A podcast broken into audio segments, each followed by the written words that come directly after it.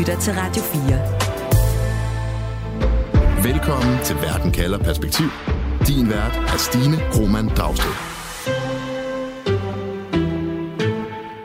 Polen går til valg, og lytter man til de polske politikere, så handler valget om at beskytte polakkerne imod en masse forskellige trusler. Imod ydre fjender lige fra Rusland til illegale immigranter og EU's undertrykkende byråkrater til indre fjender som homoseksuelle eller korrupte politikere. Og det er et Polen, der er så fuldstændig splittet, at en polsk vælger siger til os, at valget handler om had, ikke om politik. Derfor spørger jeg i dag, er det polske demokrati helt på spanden? Jeg hedder Stine Krummernd Dragsted. Velkommen til Verden kalder perspektiv, hvor jeg stiller et spørgsmål, der giver dig perspektiv på verden omkring os, og på under 30 minutter giver dig svar. Husk at følge Verden kalder i din podcast-app. Du lytter til Radio 4. Når polakkerne går til valg, så sætter de kryds ved et af de partier, der stiller op. Men når jeg taler med polakker og følger debatten, så virker det som om Polen har gang i to vidt forskellige valg. Der er dem, der mener, at valget handler om Polens sikkerhed, om at vælge en regering, der vil, se, der vil stoppe immigranter, der vil bekæmpe det, de mener er ikke polske værdier for eksempel homoseksualitet eller ret til abort. Og så er der dem, der mener, at polakkerne ved valget afgør, om et enkelt parti skal have al magten, eller om Polen skal bevare frie domstole og lige rettigheder for alle. Velkommen til Verden kalder Vibe Tammensen. Tak skal du have. Polen kender historiker, journalist og forfatter senest til bogen I skyggen af Rusland. Vibe, den første gruppe polakker, dem, der i høj grad støtter det regerende parti Lov- og Retfærdighedspartiet. Hvad mener de er på spil for dem og for Polen ved valget? Jamen det er, det er Polens sikkerhed, der er på spil. Det er sikkerhed, der er regeringens øh, topsællet i, i, i den her valgkamp. Og det er, øh, altså det vigtigste, det er de der illegale migranter, og så er det jo Rusland, og så er det interne øh, fjender, øh, som bliver anset som, som landsforrædere. Øh, øh, liberale mennesker, og, og den værste af dem, ifølge lov og retfærdighed, det er oppositionens leder Donald Tusk, der er tidligere premierminister og har været EU-rådspræsident som jo så tilhører det store oppositionsparti, som den anden gruppe polakker, altså nogen blandt dem, jo støtter. De ønsker ikke, det regerende parti vinder deres tredje valg i træk. Hvad mener de er på spil for dem og for Polen? Det er demokratiet, der er på spil. Det, det er, altså for begge sider, så er det Polens fremtid, der er på spil. Øh, de definerer bare, øh, altså det er bare forskellige ting, de går op i, i, i forhold til Polens fremtid. For dem, så er det selve demokratiet, øh, der er på spil. Hvis lov og retfærdighed vinder her tredje gang, det er aldrig sket før øh, i Polen siden kommunismen, at det samme parti har vundet øh, et tredje gang. Hvis, hvis det sker en gang til, så er det helt slut øh, med demokrati, så bliver det ligesom øh, i Ungarn, øh, som er jo øh, Freedom House, en amerikansk NGO, har målt øh, der måler på demokrati og sådan noget, siger, at Ungarn ikke er et demokrati mere. Polen er fortsat et demokrati, det er bare kun et halvt konsolideret demokrati. Hvis de vinder en gang til, så er det slut med det. Og de prøver blandt andet på at vinde ved at sige, at de skal beskytte polakkerne. Du var inde på nogle af fjenderne. Altså prøv lige at, at, at, at fortælle, hvad er, det, øh, hvad er det, de mener, der tror polakkerne, sådan som de skal beskyttes imod, hvis vi kigger på de indre fjender? de indre fjender, altså Donald Tusk, det, det skræmmebillede, der bliver tegnet af ham hele tiden, øh, og, og det er slet ikke skræmmebilleder, ligesom vi ser det i Danmark. Altså det er et helt, helt andet niveau af politisk retorik, vi er ude i. Øh, Donald Tusk, han er, han er faktisk sådan lidt nazist, og så er han faktisk også sådan lidt kommunist øh, samtidig. Altså der er billeder af Donald Tusk i SS-uniform på forsiden af alle mulige højorienterede øh, blade i Polen. På Pols stats-tv, altså øh, pangdangen til Danmarks Radio, øh, der, der ser man, når man viser billeder af Donald Tusk, så kan man vise det ved siden af billeder af Adolf Hitler og Josef Stalin for eksempel. Det er så farlig, han er. Regeringen har lige øh, for nylig, der har de offentliggjort en, en øh, beredskabsplan, en NATO tophemmelig beredskabsplan fra 2011, fra dengang Donald Tusk var premierminister. Altså, øh, det var sådan en plan, der blev udarbejdet. Hvad gør vi, hvis russerne kommer og invaderer os? Og, og i den, der kunne man se, at øh, polske styrker skulle trække sig tilbage men de bruger det til, regeringspartiet, til at vise, at Donald Tusk simpelthen vil forære russerne halvdelen af Polen, hvis han fik magten. Og det er jo så lige nøjagtigt den halvdel, øh, hvor der er flest vælgere på regeringspartiets side. Donald Tusk, som altså står og leder det største oppositionsparti. Øhm, for et par uger siden, der gik han og, og mange polakker øh, igen på gaden i protest imod den siddende regering, som de så siger, de frygter ved trække Polen ud af EU. De frygter, at regeringen er ved at undergrave deres rettigheder. Lad os lige prøve at høre. Oppositionen siger, at en million polakker var på gaden her for et par uger siden, og at øh, valget den her weekend, det er, som du siger, Vibe, knald eller fald simpelthen for Polens demokrati. Hvordan siger Donald Tusk og oppositionen, at de vil redde det polske demokrati? Jamen, de har en 100-punkts plan øh, i løbet af de første 100 dage, efter de har overtaget øh, magten. Det har, det har Donald Tusks øh, koalition, borgerkoalitionen, de har, de har lagt det frem. Øh, og et, et andet øh, koalition fra, der er ligesom sådan tre koalitioner i den demokratiske opposition til lov og retfærdighed. Øh, og den ene, det er Donald Tusks øh, borgerkoalition, de har lagt den plan frem. Så er der nogle andre, der har lagt en plan frem for, for boligsituationen. Der mangler virkelig mange boliger i Polen. Og, og den tredje koalition, de har lagt en plan frem øh, for, for landmændene, øh, hvordan det skal være. Så der er lagt planer frem, og de frie, øh, de frie dommere, dem der kæmper imod regeringens retsreformer, de har lagt en plan frem for, hvordan man kan redde øh, retsstaten i Polen. Så der er sådan set øh, masser af planer, men der er også virkelig, virkelig meget arbejde at tage, at tage fat på, hvis det skulle lykkes oppositionen at vinde.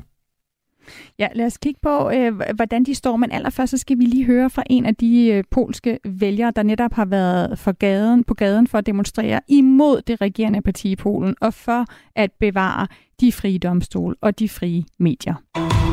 Du lytter til Verden kalder på Radio 4. Ja, for lidt øh, tidligere, der ringede jeg til Primoslav Piela, som er polak og har studeret dansk i Polen, og derfor taler dansk. Jeg hedder Primoslav Piela, og jeg er vestgægte polak, der har hele mit liv øh, boet i Polen, men jeg er uddannet kendt i dansk fra øh, et polsk universitet, og det er grunden til, at jeg taler dansk. Og Primoslav, han er altså en polak, som ikke bryder sig om, at hans datter, som er fem år, at hun snart skal gå i en polsk folkeskole, hvor hun bliver undervist i det, han kalder propaganda. Jeg har selv en datter, der er fem år gammel, så hun skal i, i folkeskolen snart. Og øh, folkeskole og hele uddannelsessystemet er meget præget af, af, af den værdipolitik, som vores regering driver. Uh, så Ja, man kan, man, kan, man kan kalde det decideret en propaganda, både med hensyn til historien og religion og undervisning, og, og jeg ønsker mig, at min datter vokser op i, i et frit land. Øh, så det er, det er vigtigt for mig, og jeg er slet ikke enig med øh, den værdipolitik, som den regerende parti i Polen driver lige nu. Et eksempel kunne være, at der er religionsundervisning i polske skoler, states eget skoler, folkeskoler og gymnasier. Og det er ikke sådan en religionsundervisning, som man har i Danmark, hvor man lærer om forskellige religioner og de holdninger, de har. Det er den katolske religion. Det er katolske præster, der underviser i det. De bliver betalt af staten, og det kan jeg ikke blive enig med. Altså, det er, det er vores skattepenge, der ryger på lommen af katolske præster, og, og Polen er et, øh, et land, der officielt er adskilt fra, fra kirken, men, øh, men altså det, i praksis det er, det er noget anderledes. Og i den undervisning så snakker de meget om altså de katolske holdninger til fri abort, seksuelle minoriteter osv. Og, og for mig det er det er simpelthen hjernevask. Altså man, det er ikke obligatorisk, man kan melde sig fra, men det skal man gøre aktivt.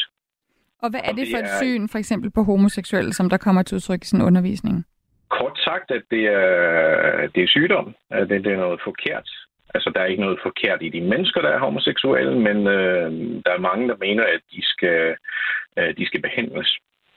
Det er ikke bare en propaganda, der fylder i skolerne og betyder, at Primoslavs datter kommer til at lære, at homoseksualitet er en sygdom, når hun går i folkeskolen. Det er også en propaganda, siger han, der springer i øjnene, når polakkerne går til stemmeboksen, hvor de ud over at stemme på partier, også skal stemme om nogle spørgsmål, som regeringspartiet har sat til folkeafstemning. Det fortæller den polske vælger Primoslav den folkeafstemning, der er rigtig mange i min, min omgangskreds, øh, inklusive mig selv, der vil boykotte folkeafstemningen på grund af den måde, de, øh, de spørgsmål, de er formuleret. Og hvad er det for eksempel, som, som du synes, der er værd at boykotte? Altså, Det er, det er sådan øh, øh, populistiske spørgsmål, hvor, hvor alle folk har kun et svar. Men øh, jeg giver dig et eksempel. Der, der er for eksempel et spørgsmål, der man lige finde det frem. Uh, ja, et af spørgsmålene er, er du for modtagelsen af illegale immigranter uh, eller indvandrere fra Mellemøsten og Afrika uh, i henhold til tvangsmekanismen om uh, relokering eller omfordeling af, af migranter, der er påtvunget i det europæiske byråkrati. Og det er sådan en bogstavelig oversættelse. Og der mener du, at der er kun et svar til det, at, at det simpelthen er stillet sådan, at folk vil sige ja? Præcis. Sådan et spørgsmål kan man ikke svare på. Når man hører det her spørgsmål, som polakkerne nu skal svare på til en folkeafstemning ved valget, som altså lyder, at du for modtagelsen af illegale, illegale indvandrere fra Mellemøsten og Afrika, så lyder det jo som om det regerende parti har kørt en, en stram udlændingepolitik, hvor immigranter fra Afrika, Mellemøsten og andre lande har haft meget svært ved at få visa eller ophold i Polen. Vibe Thermansen, du har lyttet med her. Har de det? Har de ført en stram udlændingepolitik? Ja, i hvert fald øh, udadtil. Øh, det er det, de har fortalt deres vælgere hele tiden, og der har kørt øh, kampagner, øh, der viser, hvor slemt det bliver, hvis øh, Donald Tusks borgerkoalitionen får flertal og skal danne, øh, danne regering her efter valget. Så det er sådan noget med, så bliver Polen fuldstændig oversvømmet af, af migranter, og polske kvinder vil blive voldtaget øh, på gaderne overalt, og det, det bliver meget, meget farligt, hvis ikke øh, lovretfærdigt bliver siddende med magten. Men så er der for nyligt øh, sprunget en øh, skandale, Visa-skandalen, som faktisk er en korruptionsskandale. Det viser sig, at der er mange, og det er så omdiskuteret, hvor mange, øh, men regeringen anerkender, at der er øh, blevet solgt Visa øh, til, til, på, på konsulater og ambassader, øh, polske konsulater og ambassader, øh, til folk fra, fra Mellemøsten og Asien.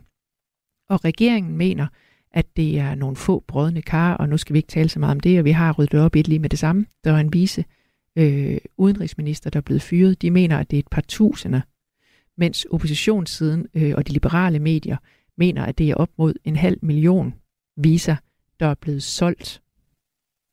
Mm. Så, så det er et eksempel på, hvordan at det her med, at der også er folkeafstemningsspørgsmål, at det er meget, meget svært at vide, hvad virkeligheden er, når at polakkerne skal gå til afstemning om det. Lad os lige høre videre, øh, og du må meget gerne lytte med her, Vibe. Jeg spurgte nemlig også Primoz Lav, om han overhovedet selv kender nogen polakker, der stemmer på det regerende parti, altså Lov- og Retfærdighedspartiet, som han altså er modstander af. Vi lever i bobler. Altså, mine samtlige Facebook-venner, jeg kender ingen, der stemmer for dem, og jeg har over 600, men uh, Facebook, det er, det er en boble. Uh, det er en boble, vi lever i, i en stor by, og, og, de, uh, og forstader til større byer, det er også folk, der primært stemmer på oppositionen. Hvordan vil du beskrive de mennesker, de vælger, der stemmer på det regerende parti, på Lov- og øh, Retfærdighedspartiet? Jeg ved ikke, om jeg tør. Altså, det, øh, det burde man ikke gøre. De er, de er almindelige mennesker, øh, almindelige polakker. Men selvfølgelig, der er nogle kendetegn ved dem. De typiske, og, og det er stereotyper, vi og, og nogle klichéer, vi går ind i. Det er lavt uddannede bønder fra, fra udkendsområder. Det er, det er det billede, jeg får foran mig, når jeg tænker på, på vælgere i PIS. Men... Du siger, du ved ikke, om du tør Nej, altså, jeg ved ikke, hvad er nedsættende for, for de folk. Altså, jeg respekterer dem. De er, de er mine medborgere, og vi kan blive uenige om, og, og, og det er min private holdning, at vi skal snakke sammen. Hvorfor tror du så mange mennesker i Polen stadigvæk støtter Lov- og Retfærdighedspartiet? Depolariseringen. Det er, det er noget lignende, der sker i, i USA, øh, med, hvor der er to partier, der sidder ved magten. Det, det er tro. Det, det er ikke en politisk holdning. De tror, folk tror blindt på deres eget parti. Så det har ikke noget at gøre med, at, at dem, der stemmer på Lov- og Retfærdighedspartiet, også får noget politik igennem, som de går ind for, og måske får løfter opfyldt, som de støtter politisk? Altså delvist ja. Altså, selvom jeg er fuldstændig uenig øh, værdipolitisk med lov og retfærdighed, så har de gjort en del for, øh, inden for fordelingspolitik øh, for de folk, der har været glemt fuldstændig efter transformationen. Fordi transformationen i Polen har ikke været godt for alle. Der var mange, der, der stod ude for samfundet. De, de var fattige, og, og det var svært for dem at, at leve i det land. Vibe Termansen, vi hører her Primoslav sige, at de tror blindt på deres eget parti, da han skal beskrive dem, der stemmer øh, på lov- og retfærdighedspartiet øh, her, det regerende parti. hvis polakkerne lever i, i hver deres virkelighed, øh, hvis de er fuldstændig polariseret, er det så overhovedet muligt at flytte stemmer i den her valgkamp? Nej, og det er heller ikke det, de går efter, øh, de, de to sider. Øh, befolkningen, de, de tror simpelthen ikke på det, de kalder hinandens medier. Så, så der er altså medierne er delt op. Øh, de frie øh, liberale medier, som oppositionen holder sig til, og så øh, statsmedierne og de højorienterede medier, som dem, der stemmer på regeringen, holder sig til. Og det er ligegyldigt, den der skandale, vi talte om før, den korruptionsskandale med Visa, det er ligegyldigt, hvor meget de liberale medier står og kritiserer øh, regeringen og, og, og beviser det ene og det andet, fordi regeringspartiets vælgere tror ikke på det. Og omvendt, så er der meget, meget lav troværdighed, øh, det der er blevet målt, øh, troværdigheden til, til Pols stats-TV. Og der er meget, meget lav troværdighed øh, i Polen, men regeringspartiets vælgere, der er en del af dem, der tror på, hvad der bliver sagt der.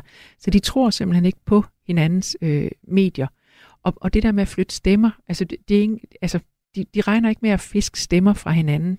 Begge siders strategi her til valget, det er i stedet for at mobilisere inden for, de, inden for deres egne rækker. Dem, der i forvejen er enige med dem, men ikke har tænkt sig at stemme. Ved valget i, for fire år siden i 2019, der var der 62 procent, der stemte. Så, man, altså, så der er jo noget potentiale på at få flere, øhm, i, i hvert fald at prøve at få nogle af dem, som, som ellers ikke vil stemme til at, til at møde op. Og det var også det, den mars, du talte om før, den mars, Donald Tusk øh, havde den 1. Øh, oktober i Warszawa. Det var mm. det, det handlede om. Det handlede ikke om, om at få stemmer for lov og retfærdighed. Det handlede om, at hvis man kan få folk til at møde op på gaden, så kunne man nok også få dem til at gå hen og stemme. Den polske vælger Primoslav, som vi har talt med, han vil faktisk ikke stemme på det store oppositionsparti, selvom han er imod det regerende øh, lov- og retfærdighedsparti, fordi han mener, at debatten mellem de to største partier simpelthen er gået hundene. Han siger, at det handler om had, det handler ikke om politik. Det er holdninger og ikke fakta. De tror bare blindt på det, de påstår, og bruger slet ingen argumenter. Altså, den største oppositionsparti, de hader øh, den regerende parti, og den regerende parti, de hader oppositionen. Og selv så er han ikke overbevist om, at det polske valg bliver frit og retfærdigt. Tror du, at det vil være et frit og retfærdigt valg, I vil komme til at se i Polen? Det håber jeg. Om jeg tror på det, det er svært at sige. For det, der blandt andet bekymrer Primus Laf, det er, at valgsystemet i Polen er meget anderledes end det danske, siger han, at et mindretal kan ende med at sidde på magten og regere, uden at behøve at skabe politisk flertal hen over midten, og at nogle polske vælgere har mere magt end andre, mere vægt, fordi deres stemme simpelthen tæller mere. Vi be- prøv lige at forklare det. Altså, hvis du bor i en storby, som Primoslav gør, tæller din stemme så mindre, end hvis du bor ude på landet? Øh, nej, nej, det gør det ikke. Øh, hvad det, stemmerne tæller lige meget, men, men der, er, øh, der er nogle regler, altså der er 5% spærregrænse, så de små partier, de, de bliver jo diskrimineret, kan man sige, og de store partier, de får mere. Øhm, så, så det er sådan, at lov og retfærdighed, hvis de får omkring 40% af stemmerne, så, så kan de få flertal. De behøver, de behøver egentlig ikke mere øh, end det. Radio 4. Ikke så forudsigeligt. Vi har talt om, hvor vi, altså, hvorvidt hver stemme tæller lige meget i Polen, og hvor repræsentativt det polske valgsystem er. Et, et andet krav til et frit valg, det er jo, at vælgerne har adgang til pålidelig information. I Danmark forsøger statsejede medier, som også her på Radio 4, DR, TV2, at give alle partier adgang til at præsentere deres politik, for eksempel når der er valg. Ikke? Vi går ikke ud og støtter et bestemt politisk parti. Vibe, hvor uafhængige er de statsejede medier i Polen? De er overhovedet ikke uafhængige. Uh, Reporters Without Borders, uh, som måler på pressefrihed i hele verden, de kalder uh, stats-TV, TVP, for regeringens propagandaapparat. TVP er med til møder med regeringen, når de sidder og lægger valgstrategi for, hvordan de vinder uh, det her valg. Et andet krav til et frit demokrati, det er, at folk ikke bliver forhindret i at, at stille op, og et parti ikke får, får flere penge til at køre kampagne fra staten end andre partier. Er der nogenlunde lige vilkår i det polske valg her? Nej, fordi regeringen har jo indført denne her folkeafstemning samtidig på samme dag som parlamentsvalget. Og der er det med folkeafstemninger, at de bliver ikke finansieret af partiets kasse, de bliver finansieret af staten.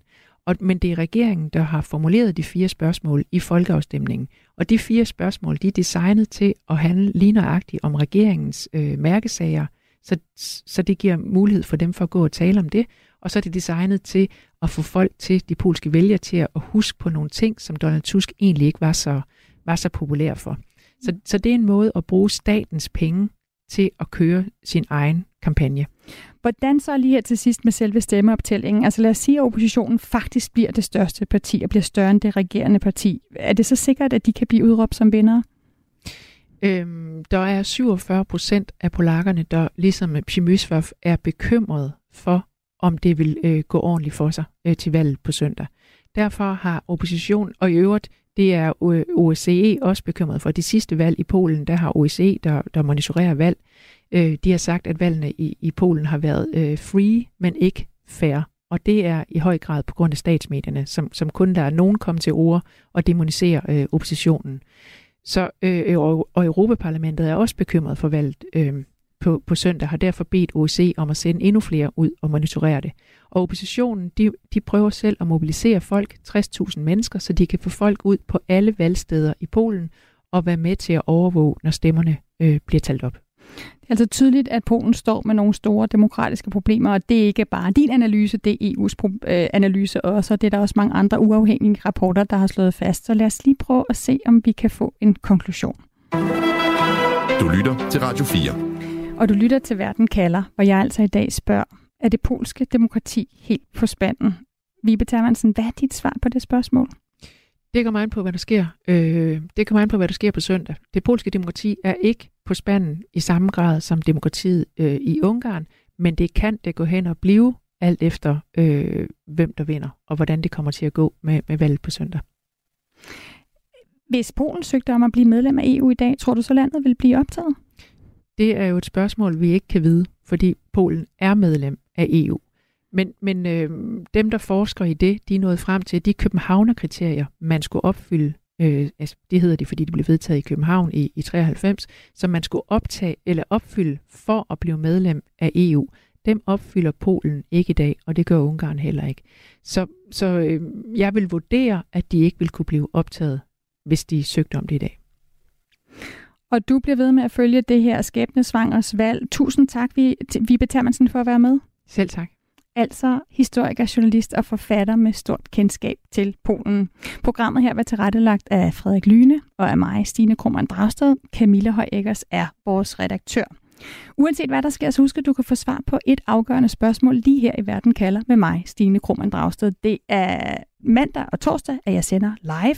Først om en aktuel sag i Verden kalder, og så sender jeg Verden kalder perspektiv, hvor jeg altså sætter et spørgsmål om verden ind i en større sammenhæng og giver dig svar.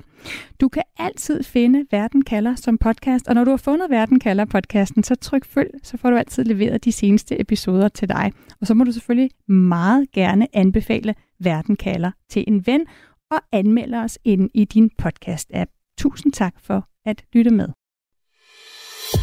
Du har lyttet til en podcast fra Radio 4. Find flere episoder i vores app, eller der, hvor du lytter til podcast. Radio 4 ikke så forudsigelig.